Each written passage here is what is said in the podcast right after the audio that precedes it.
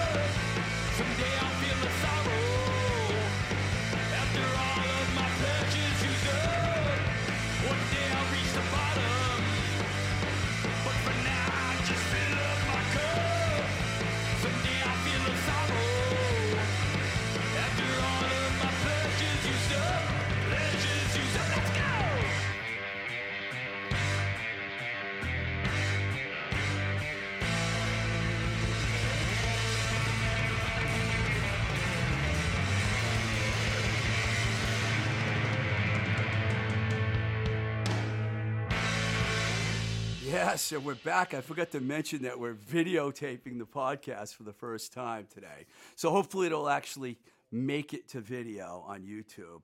But I know Herb's got that all figured out. Right, Herb? that was the band Continental and the song Millionaire from the album Millionaires, which features Rick Barton, the original guitarist of the Dropkick Murphys, played on their first three records. He was also the, a member of the legendary Outlets, band that I signed to Enigma Records many years ago, and one of the best Boston bands ever. We played this track as a segue into today's main topic, which we are calling From Alternative Country to Wilco. Don't ask me how I came up with that. I, I don't. I guess we're going to talk about Wilco a lot. So now that now we would like to welcome Charles Rivers and his dog Pepper to the show. That's right. Charles brought his dog. I met a guy uh, some time ago at a coffee shop in Teele Square by the name of Craig Terlino, who kind of resembles Charles Rivers a bit, but I'm not sure it's the same person or not. But we're talking to Charles Rivers today, right? Yes, we are. I, you know, I think I met you through that dude. You met that dude? Yeah, dude? I was looking for somewhere to record, and he was like, "He's like, you got to talk to this guy. He is a legend in the local music scene." So Now, who was the legend, Craig or me? What legend are you talking about? I don't know much about. I think he was. I think he that dude. he was the manager of um, a local magazine, I believe, distribution manager. Oh, so that's yeah, how I met him. we- I was writing Weekly Dig. That's Right, Weekly Dig, which I was a writer for for some time. So there's a lot to cover here, Charles, and uh, it's interesting because on the way of my, my drive here from Worcester, I was li- I heard two songs back to back on Spotify. I heard uh, Son Volt doing "Cocaine and Ashes," and I heard Lucinda Williams doing "Steal Your Love." So it got me in the alt country mood. Now we're going to cut this up into segments. And at first, I want to talk to you because I needed to get uh, Charles on the show because he really knows this topic much better than I do. Uh, I look at segment number one, and we're going to call it the beginning. And I have Kris Kristofferson, Johnny Cash, Buck Owens, Merle Haggard. Are these artists that, in your opinion, actually started the whole alternative country movement? Absolutely not. And I guess you can't have a conversation about what happened to country, mu- what happened to what what is alt country without like touching base country music, which is a long topic, as everyone knows. Director Ken Burns did a eight uh, episode, two hours a piece, and still there's a lot to cover. So, um, in a nutshell. Uh, you asked if those people are the ones that started it. In some sense, they are because Or pioneers, in a sense, I meant. so w- the people you mentioned um, introduced country music on many levels, um, but there, I think you know, there are two eras, major eras of country music, and that would be the '40s, late '40s and '50s, where it emerged with bands like the Carter Family, and um, you know where that went. Buck Owens, as you mentioned, um, there was Lefty Frizzell.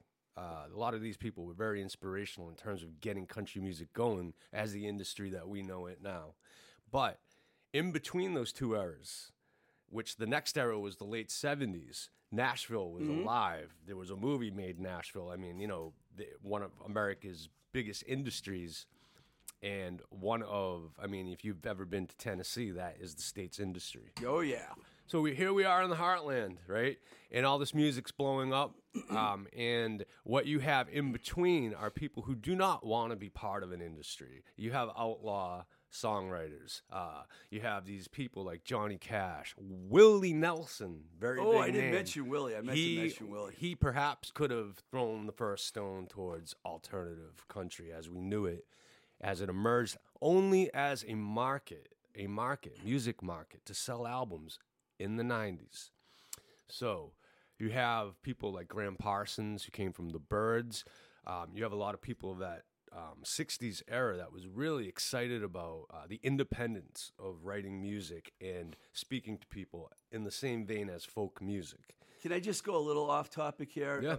Was were Kris Kristofferson, Johnny Cash, Buck Owens, and Merle Haggard were they all arrested at one time?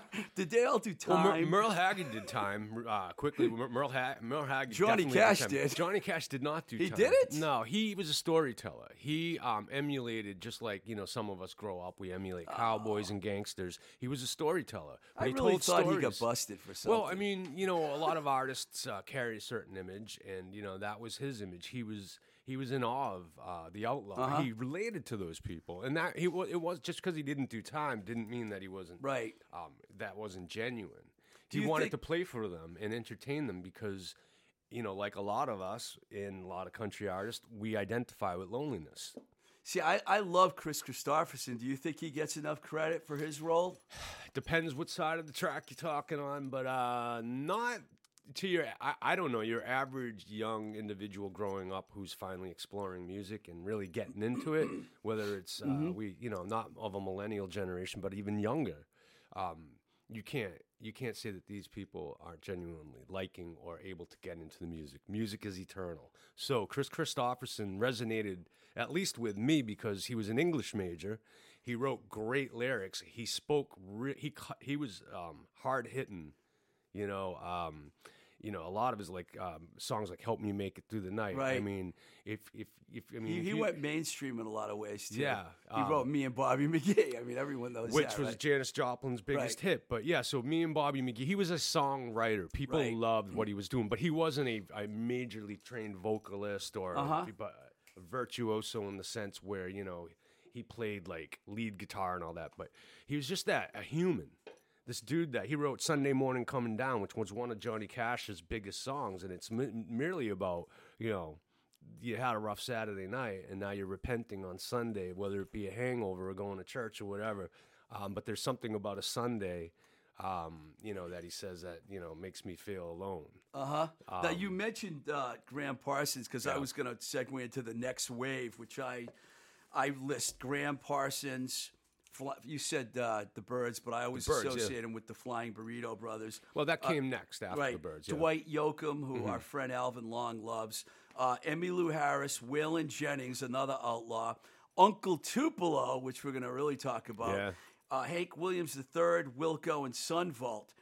They picked up, I don't even know if, if it was a handoff from the first wave to the next, but those guys are the real, you, they're probably the real pioneers of alt country, would you say?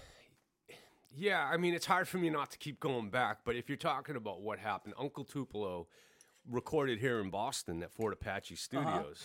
So they're essentially um, got their uh, going in Boston. Uh, which I think it was Peter Buck from REM that discovered them. Uh, actually, you know, it's a funny story. I was running a label called Giant Records in New York, and when I when I was working there, we hired Debbie Southwood Smith, who came from WERS in Boston. She came in, and when I left, she took over. She signed Uncle Tupelo to. Oh my God, I can't remember the name of the label. Giant Repr- became. was it rep- rep- not reprise? I can't remember the name of it. I should know that, but I don't. But um, they changed the name of the label, and it was her that actually signed Uncle Tupelo. So that was the Boston connection. Uh, I believe there was also, we had a lawyer from Boston, Jay, and he was heavily connected to the Boston scene. So that's probably how they ended up uh, recording in Boston. was it Sire Records? No, no, this was an independent label, and a, uh, Dut- Dutch East? yeah, it was through Dutch East India, but it was called. Uh, I'll have to look it up. Why don't you talk about some of these artists? while I- So all right, so Uncle Tupelo had the um, had this connection with like punk. Uh, they were pro- I don't know about Jay Farrar. Uh, you had Jay Farrar and Jeff Tweedy as um, the the two heads of Uncle Tupelo, both songwriters, uh, which eventually they clashed, and we'll get to that in a little bit. But Uncle Tupelo. Uh, really resonated, I think, especially here in Boston, because Boston has a major appreciation towards eclectic music like blues, jazz, Rockville Records. in Sorry, I Rockville. remember. In, co- Rockville. country. We have a, uh, a root scene here in Boston that's always there. Uh, folk music has history here, going back to Uh-huh. Joan Baez, Bob Dylan. Um, might as well throw uh, Bob Dylan into the uh, the um, origins of alternative country. yeah, that's true. Okay. And um, you know, listen to any of his albums, whether they're acoustic or electric, they're all going into what we eventually decided what alt country was. You can throw the Grateful Dead in there too, through the cusp of it. But punk rock, let's just get this out of the way. A punk rock beat. You know, I'm no drummer. Uh, you guys can, if you know uh, the the proper terms for what I'm talking about, chime in. But that two step, boom, punk rock country. That's what you got there, and that's where the roots come from. Very nice. Um, punk rock's looked at as sort of a style of rebel music. So was country. hey, you know those guys, Haggard and, and Waylon Jennings, they're kind of punk rockers. Yeah, Je- so Jennings and Haggard Williams did III. time. So not there are country artists who did time, and there's a lot of like you know, people like Johnny Paycheck. If you look into him, Oh, yeah, he was involved, right. So rock and roll aesthetic attitude was always there in country. I'm gonna do whatever. Can I swear on this? No, all right. I'm gonna do whatever the heck I want, and you can you can put the CK uh, to a couple other letters. What I was gonna say, but do whatever the he- I'm gonna do whatever the heck I want, and I don't need an industry trying to tell me what to do to sell records. Everybody, even rock artists to this day, loves that aesthetic. In a perfect world, today we DIY it. Uh, we we where we can record home recording, but you know uh, the market still isn't there to sort of bring forth a style of music you know, such as it was once upon a time. And yep, I love record labels. Bring them back. Anyhow, um, I wanted to before we. I, we're Yeah. going to get into Uncle Tupelo Yeah. some more, but I Yeah. wanted. I wanted to talk. There's also the next segment I call the crossovers, Yeah. like Steve Earle, Yeah. who I who I who really came into his own. I think once he came out of prison, he definitely did time. I do Mm-hmm. knew that because he was he was an f up. Yeah. I could use the F word if I want. I'm blowing Okay. smoke with Twisted Rico, but I'll be I'll be nice today. We'll try All to right. keep it clean. Uh, he screwed up basically. Once he got out of jail, he put out two incredible albums. Here I Am and El Corazon. Those were fantastic country rock, alternative country, whatever you want to call them. And there's also Lake Charles, Louisiana's own Lucinda Williams, who I love. She's one of my favorite songwriters ever. Four Wheels on a Gravel Road and her follow up to that, Essence, that both came out after 99 1998, were incredible records in my book. What do you, I mean, they seem to fall more into a country rock category, or would they, are they all country? I mean, Once again, all country was just there to sell records. It was it was it was aimed the at type, hipsters. the term you mean? Yeah, it was more aimed at hipsters for the time. Um, you know, whether you were into punk, country, rock and roll. Um, I mean, it, I mean, they tried to cross it all into whatever, whatever alternative music was um, you know, uh, exploding with at the time. You know, you put a little pedal steel in there and a little twang, and you know, somebody a little, a little, little, uh, you know, whatever. And um, Because get- there, there was a time where they referred to Steve Earle as the guy that was going to Yeah. bridge country and Well, he rock. did. He did, and he was part of that era. He did it more of a genuine way, um, because he was going to do it anyhow. He wasn't like waiting for a record label to say, "Oh, we're gonna, we're gonna, we're gonna package it up and give it to these people." Steve Earle was more of a contemporary um, artist, more from more mature people that loved folk and rock and good, loved ri- the good writer. if, exactly. I mean, he's a great writer. As a matter of fact, I got to see Lucinda Williams, Steve Earle, and Wilco in 2004 on the same venue at Newport Folk Festival. Together? Together. When Wow. Wilco's album A Ghost is Born came out, 2004. Um, so Lucinda Williams, Steve Earle, going right back, just to tie it back into Uncle Tupelo. Uncle Tupelo was emerging in the late 80s. All right, so a little bit before. Yeah, before. 88, I believe, is Right. when they. But 89, Tweedy- 89, something like that. Tweedy definitely recognized the brilliance of Steve Earle. I think you know through like because you can hear a lot of that influence um, in terms of what do I do, contem- how do I contemporize some of this classic stuff. Um, but someone like Tweedy goes back to even like you know he's a fan of rock and roll music. He's a fan of the genre. He's not he he loves everything. Yeah, I heard it, one of his favorite bands was the Minutemen. And when I Yeah. heard that, I was like, that's cool because I love the Minutemen. Well, listen to songs like "I'm a Wheel" on um, "A Ghost Is Born." It's not all country, and we can get back to that album because that is not an all country album. Yeah, I was gonna. Uh, we're just gonna go right ahead, into yeah. it now because really the whole point of doing this whole show is talk to talk about how Wilco and Son Volt Yeah. emerged from the scene. I want to ask you, Jeff Farrar and Jeff Tweedy's relationship fell apart following the release of four albums, including the critically acclaimed No Depression record. Yeah. Now, what happened? Those guys were like best friends. Yeah. And then one day, I guess Jay just quit. What happened? So, in my opinion, I liked some of um, Uncle. I, I've gone back this week and listened to some Uncle Tupelo stuff and decided that it's really not that great. Really? Yeah, it's- Who it's a- did most of the singing in Uncle Tupelo? Because I'll be honest with you, I Jay spend a- Farrar, you know. Oh man, I like Jay Farrar. No, more- I- all right, no, no, no, no, no. He's he's good, but he was the he just he's a wet blanket, no fun. He he really took himself serious as a country guy, and maybe he was, me, but he wasn't in that market, you know. And I think he so embraced. he sang most of the songs. Yeah, most of the stuff for Uncle Tupelo. Because if you read the book, you got to learn how to die. That was written about Wilco um, at the time Yankee Hotel Foxtrot came out, talking about what happened in Uncle Tupelo. Uncle Tupelo basically was, you know, Jay was the strong emotive of that band. But when Tweedy would come in with songs like Gun, Black Eye, Screen Door, it was more about. This is why we got Charles Rivers on the show because It was more about he knows. It was He more knows. about it was more about allowing you and you and everybody to just be part of the song. Like we all know what it's like hanging outside the screen door in summertime. you know, there was an image that Tweedy was trying to put forth some sort of a, a feel good like aesthetic. Farrar was dark.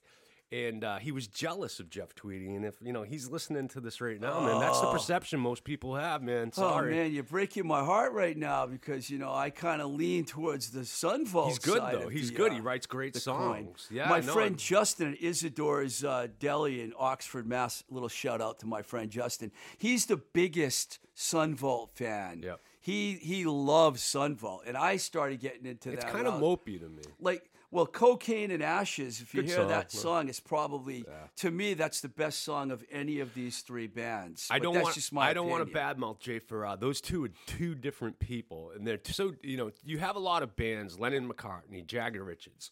they either work or they don't.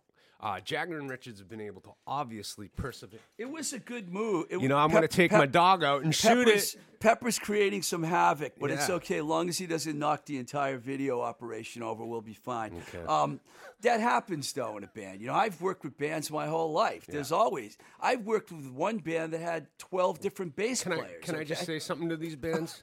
Get over yourselves. Okay, get over it. What else are you going to be doing? What other success? Like, if you're going to push Jeff Tweedy out of your band, like they could have went on as a, a dual, a duality, a collaborative effort. But the ego in music, and Jeff Tweedy's guilty of it too because he was headstrong. You're answering my question, so I can't get upset about this, even though I like Son Volt more. Let's talk about that Wilco Yankee Foxtrot record. And I watched the film. I am s- trying to break your heart by Sam Jones, and I have to say it's one of the coolest documentaries I've ever seen. And I'm not even a huge Wilco fan, but that documentary, I love the scene where Jay Bennett makes Tweedy get so upset that he goes in the bathroom and pukes, and Yeah. they videotape him puking well, in the so bathroom. it- Jeff Tweedy suffered from pa- a panic disorder as well as Jay Bennett, and they were very much they were like that. They were great friends. Um, but Tweedy started to, as he got you know more involved with music and seeing where it was going. Let's remember, he wasn't stuck in a box like Farah, Farah, Farah. I can't even say. I just call him name. Jay Farah. Jay Farah. Uh, you know that's what it is. Sorry, Jay. Jay Farah.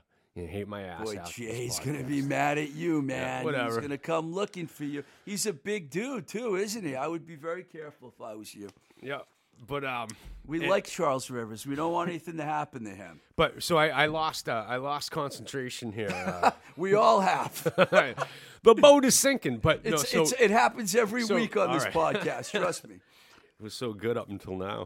Um, No, I mean, I just I was asking you about the documentary. Yeah, No, okay, Yankee right, right. Foxtrot. di- didn't their record label right, say "screw you"? So yeah, the, so the, once again, you know, there were ego involved. You broke it down. Now we have we had Jay Farrar and Jeff Tweedy. Now you get into Wilco, and now you have Bennett and Tweedy hashing it out. They're So both wouldn't great you say artists. Tweedy's kind of the problem then? No, no, Tweedy. well, okay, Tweedy may Tweedy is the strongest out of them all. He had a vision, and Wilco became bigger than all of it. He also had a bad Vicodin problem for many years, from what I understand. So did Prince. So did Now every you're artist. really veering off. so does course. everyone in this country. So I um, don't yet. So I, Yet. I had a Vicodin problem. I had a marijuana problem. I had a drinking problem. I had a problem Wait a minute, money. marijuana's a problem. oh yeah, if you don't, we got to tell. We got to talk to Herb Marsiglio about. I've this. never tried it actually. I was thinking about trying it after the show. Um, to Herb.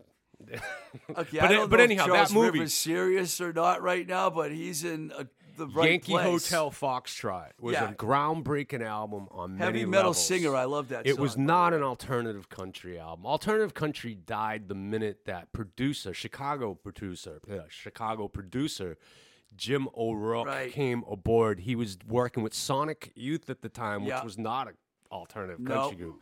They were uh, still in this day a league of their own, the no wave scene. Yep. Try to top that. Record companies can't.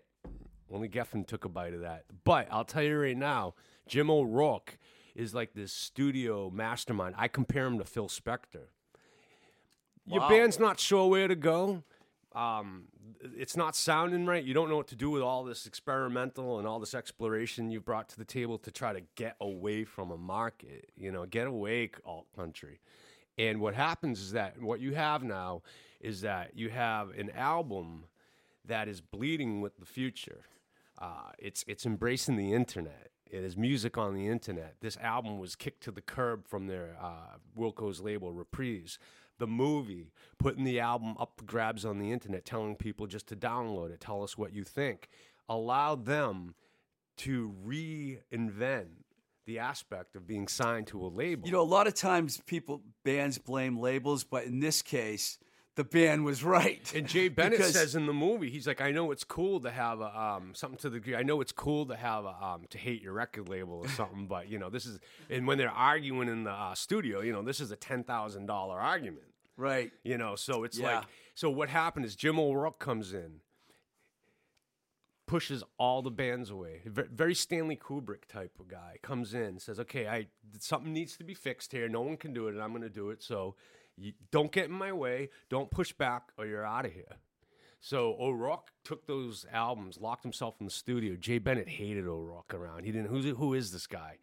Bennett was more of a. Uh, he uh, wanted to be the producer. He wanted he wanted he wanted Wilco to have a little bit Beatlesque sunny pop sound, and By the way, was you going down know- a darker road. By the way, we should say that Jay Bennett passed away. You know, which Yep. is kind of Rest sad because. I think he Yeah. he drank himself to death. Or He tried, man. He put a solo album out. It sounded really good, but it lacked uh, a certain charisma that you need in terms of a moving album. And that usually takes a front man or a songwriter to really just sort of like strangle the shit out of what. I really doing. respect him though. He the term multi instrumentalist. Yeah, that- that's a great way to describe. He was amazing. He could, he could take on it. He could take on any instrument and just color in Wilco sound. I mean, the album Summerteeth essentially is a beautiful collaboration of Jay Bennett and Jeff Tweedy. That had moments of the, Wilco always had moments of non-alternative country. Again, they were being lumped into this category.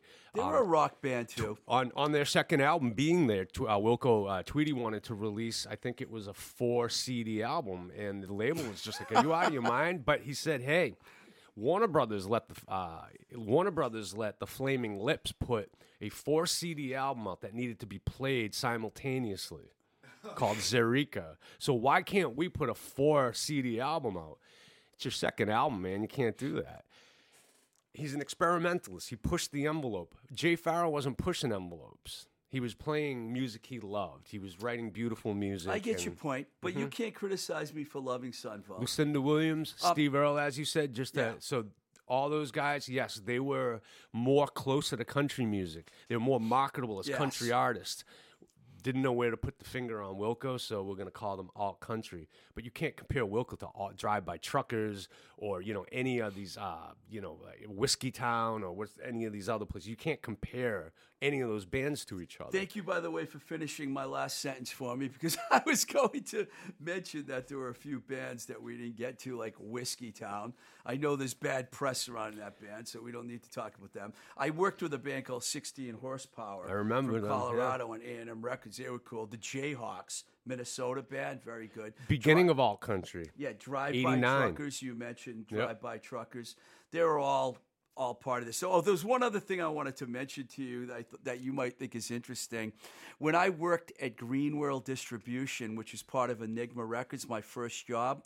I sold records over the phone to stores, and one of my accounts was Rhino Records on Westwood Boulevard, and my sales guy was Nels Cline, who is now the guitar player in Wilco. Can no I, lie. That's amazing, man. That is so. I never even knew he was part of that. Uh, He was the buyer. Yeah. He ran that record store, and Nels. And I'll tell you right, one thing right now. I'm only familiar with Ryko because of my older brother. He was a huge Zappa fan, and they were putting all the Zappa albums out. If you listen to Nels Cline's guitar, Nels Cline's He's a jazz playing, guy, pretty much. He's a right? jazz Yeah. fusion guy, but there's definitely like you know he had a hand on Zappa albums, putting them out on Rhino.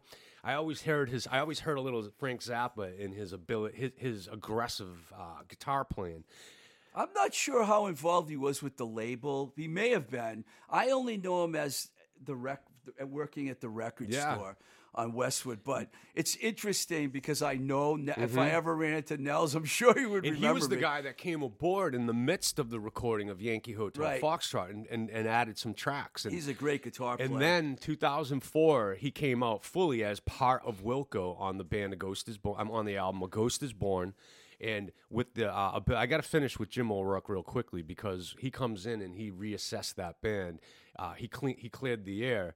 Now, once that band had him come in and, and mix that album and present it, they had to follow up another album like that. And that's when Jim was part of the band for the recording of A Ghost is Born piano production and a lot of uh, experimental sound loops and everything. There's a song called Less Than You Think on A Ghost is Born. But the the the end of what happened, to, uh, in my opinion, what happened to alternative country, Jim O'Rourke and Nels Cline that and then after that, after Wilco expanded and became a fusion blend of just about everything experimental, rock, folk, country, experimental, lo fi. They love bands like Pavement. I mean, Tweedy is a music fan. So, what you have at essentially at the end of the day with all of this is that it was a market that the record company slapped a label on and sold some good albums and made some money in that genre. But Wilco was the one that took themselves away from it because This they is- are a progressive band. This is fascinating stuff. This is why we got Charles Rivers on the show because I know he knows his stuff. He knows a lot about Wilco. We're, we're gonna have, we're gonna have him on the show again sometime because I want to talk to him about the Wil- Wilco Billy Bragg uh, feud that happens. But we'll Yeah. get into that some other time. But thank you very much. No, it's Charles. been great, man. I mean, I've been, um, uh, you know, I've been on a lot of shows, but this is great. You really run a nice podcast. Well, thank you, Yeah. sir. And you know, I need to have int- intelligent people on, and you know, you're Well, when you said you want to come on Smoke and Blow with uh, Twisted Blow- Rico, blow and smoke. Smoke oh, and right. Blow- it's All right, I think I He take a doesn't- deep breath and uh, Herb, he doesn't blow enough smoke to get it, so it's okay. we'll we'll let that one slide. But uh, if anyone wants to reach out to me and talk about the podcast, you can reach me at twistedrico at gmail.com or follow me on Instagram at twistedrico. I do have a Twitter page, but it's kind of a lot of political garbage, so you can follow me there too if you want. But sometimes I go a little off on the current uh, administration. So I don't want you to like get the wrong idea. I'm a music guy first, uh, but I would love to hear all your thoughts. And also, please consider for a dollar a month minimum joining our Patreon page at www.patreon.com slash Twisted Rico. Till the next time we say goodbye. This is Blowing Smoke with Twisted Rico, and I'm your host, Steve Ricardo. Keep the rock and roll alive.